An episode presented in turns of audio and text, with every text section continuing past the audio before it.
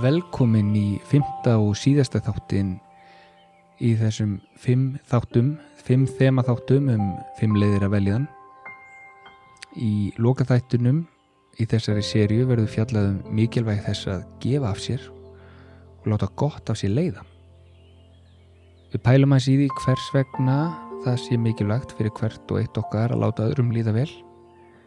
Hvers vegna er það mikilvægt að leggja öðrum lið eða taka þátt í félagsstarfi eða sjálfbóðavinnu. Og þetta virðist kannski ekki stórt við fyrstu sín en það má í raun líta á þetta og efni þessar þáttar sem fyrsta dóminokupin sem kemur öllum hinum dóminokupunum á stað og hefur þannig áhrif langt umfram það sem virtist í fyrstu. Og ekki er þessi hlutur sem við fjöllum um hinn í dag minna mikilvægur en það efni sem við erum búin að fjalla hinga til og vonandi náum við að varpa einhverju ljósi á það núna á næstu mínútum. En að láta gott af sér leiða, hvað er eiginlega áttu við með því? Þetta hljómar eitthvað svo einfalt og sjálfsagt, það að hljóta allir að láta gott af sér leiða og það er ekkert flókið eða merkilegt eða hvað. Og vonandi er það svo leiðis að enda mikið af góðu fólki út um allt, eða vonandi er það svo leiðis að, að margi sé að láta það gott af sér leiða. Því það er mikið af góðu fólki út um allt sem er að hafa góð áhrif á umhverju sitt sem eru þetta frábært.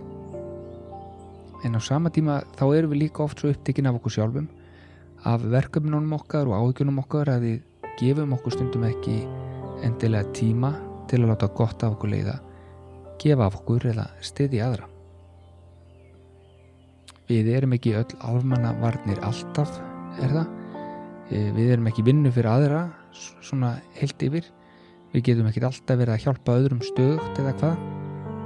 Þetta vekur upp alls konar spurningar. Og hvernig er best að nálgast þetta?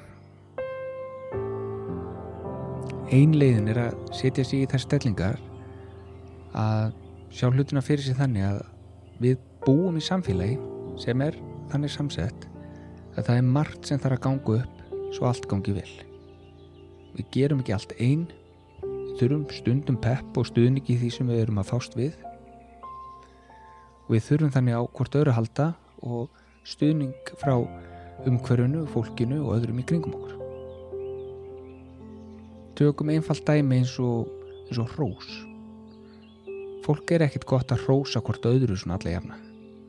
Fólk gefur sér ekki alltaf tíma til að hrósa öðrum og fólk er ekkert alltaf að láta vita þegar það tekur eftir ykkur hjá öðrum sem það er hrifið af en samt en samt erum við öll mjög meðvötu um það og okkur finnst það í svona alveg innstinni og bara með hjartanu að það er gaman þegar aðri taki þegar aðri taka eftir ykkur í okkar fari og hrós okkur eða veit okkur jákvæð aðtegli.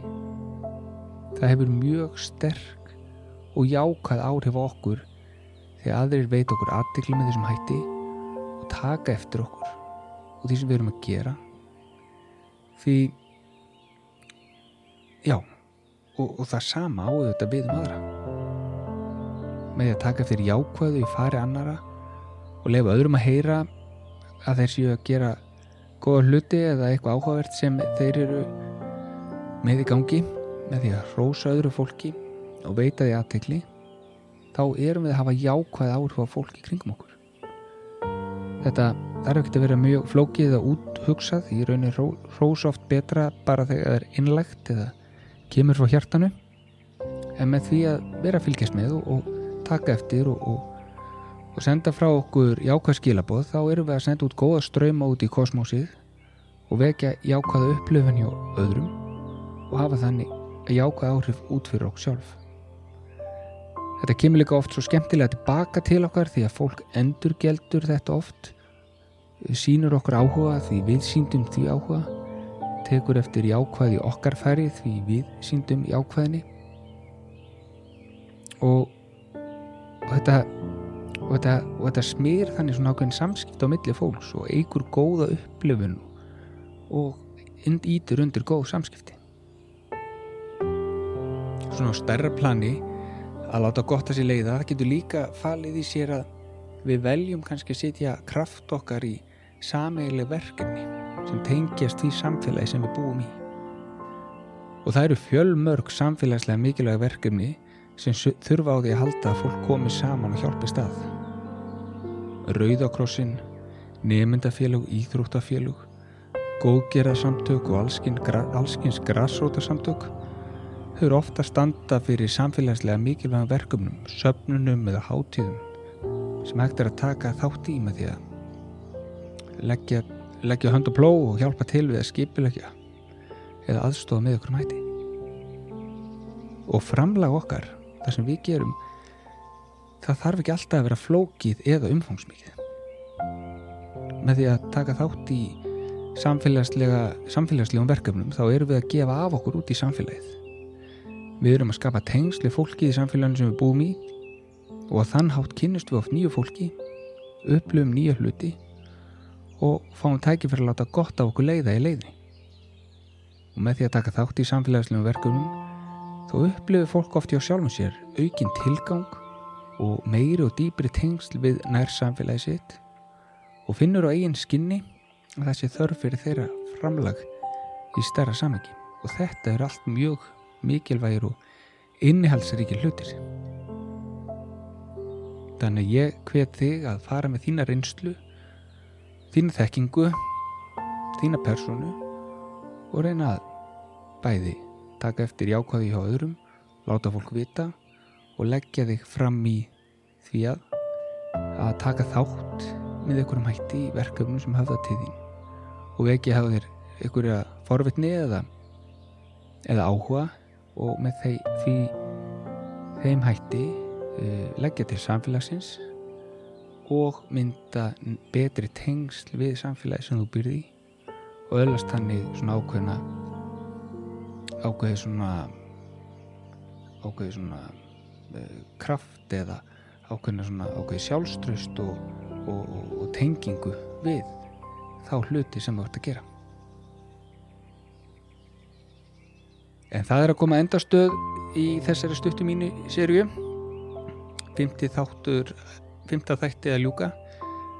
Um, Við erum búin að fara hérna um viðan völl og fjalla um nokkur fimm, eða fjalla um fimm eh, atriði og taka dæmi og reyna að tengja þau við svona hluti sem hægt er að grípi Við erum búin að fjalla hérna um hversu mikilvægt það er að tengjast öðrum og vera í góðum samskiptum við fólkið í kringum okkur. Við erum bara að fjallum mikilvægi reglulegra hreyfingar og að það að finna hreyfingu sem hendar mínu lífi og mínum aðstæðum.